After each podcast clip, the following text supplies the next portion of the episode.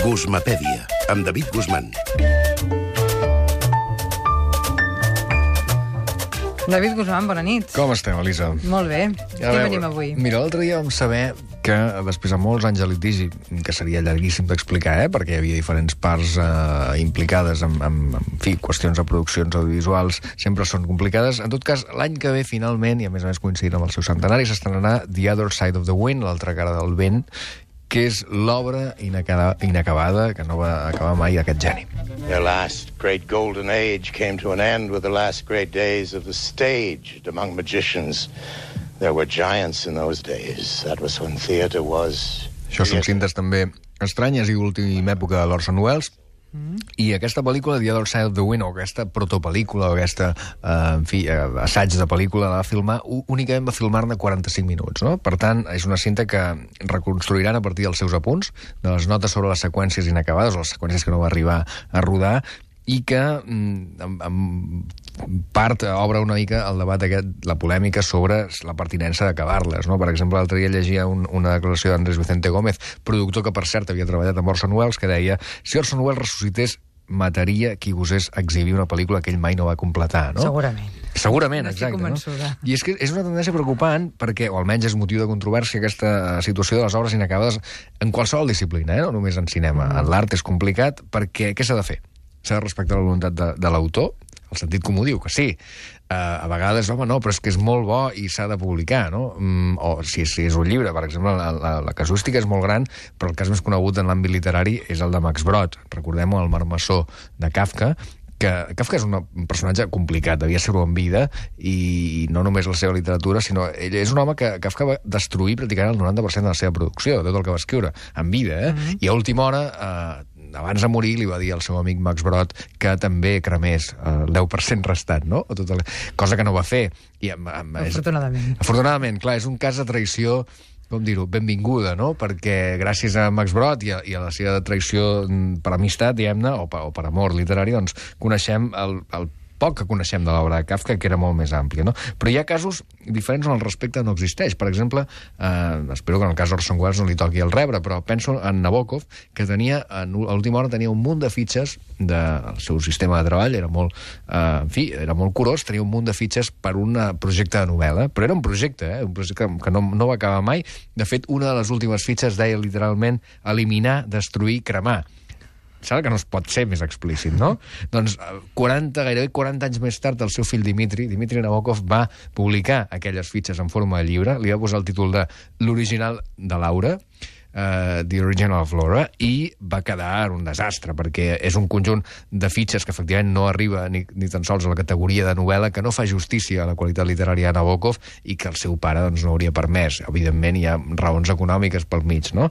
cosa que fa molta ràbia eh, perquè no té res a veure amb l'estil eh, de Nabokov, que eren simplement això, proves i provatures com tots eh, fan i, i fem quan eh, tenim un projecte entre mans. Torno al cinema amb una altra pel·lícula inacabada, que en aquest cas gairebé forma part de la llegenda.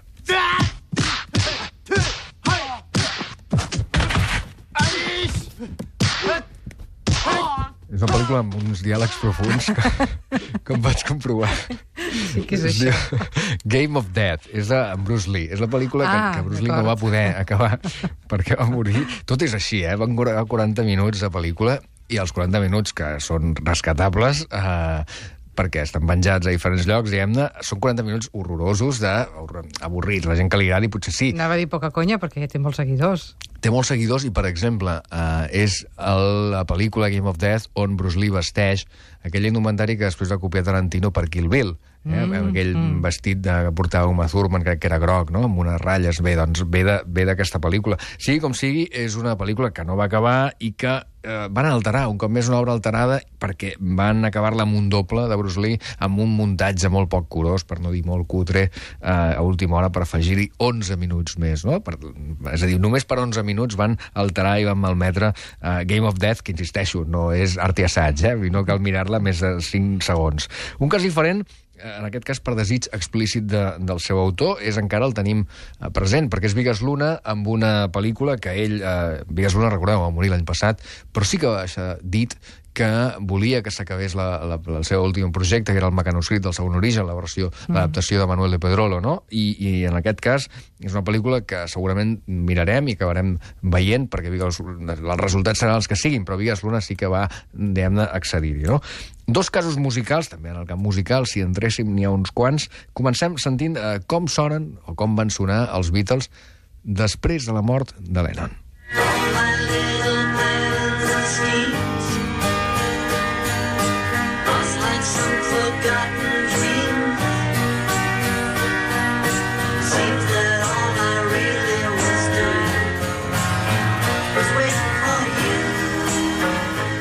John Lennon, efectivament, és Real Love, no? és la cançó que ell va gravar com una demo al 79, i com, un any abans que morís, per tant, va morir al al 80, i que van completar els altres tres, eh, Paul, George i Ringo, l'any 95, per mecanismes tècnics, no? Eh, miracles de la tècnica, van fer-ho també amb una altra cançó que es deia Free as a Bird, i que els resultats són irregulars, no? Perquè, òbviament, sí, és el més semblant que tenim a com hauria estat una... Eh, no? Un, els Beatles un altre cop eh, reconfigurats, però no és Però ben bé. alguna cosa, Sí, eh? alguna cosa, i dius, Leno, no, no, no hi acabes de ser, no? Ho ets de manera ectoplasmàtica, però no, no acabes de ser-hi. Bé, i una òpera acaba amb aquesta que té 90 anys d'història, però que en canvi el seu compositor també va deixant inacabada.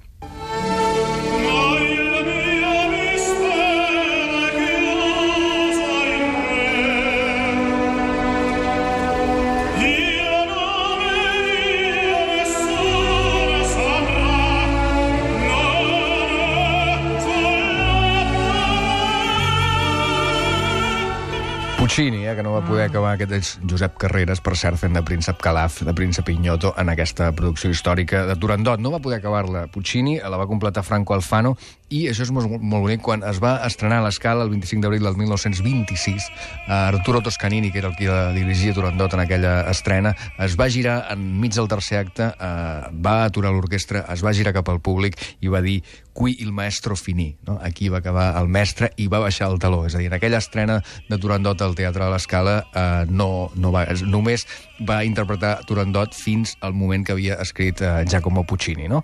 Per tant, és una obra inacabada que després sí, eh, van, van continuar, que va continuar Alfano i que van produir-la, eh, van, van fer amb, amb altres produccions, però que, que torna un altre cop aquest debat interessant sobre què fem quan una obra no està, no està acabada. Baixem el taló. Gràcies, David. Fins ara.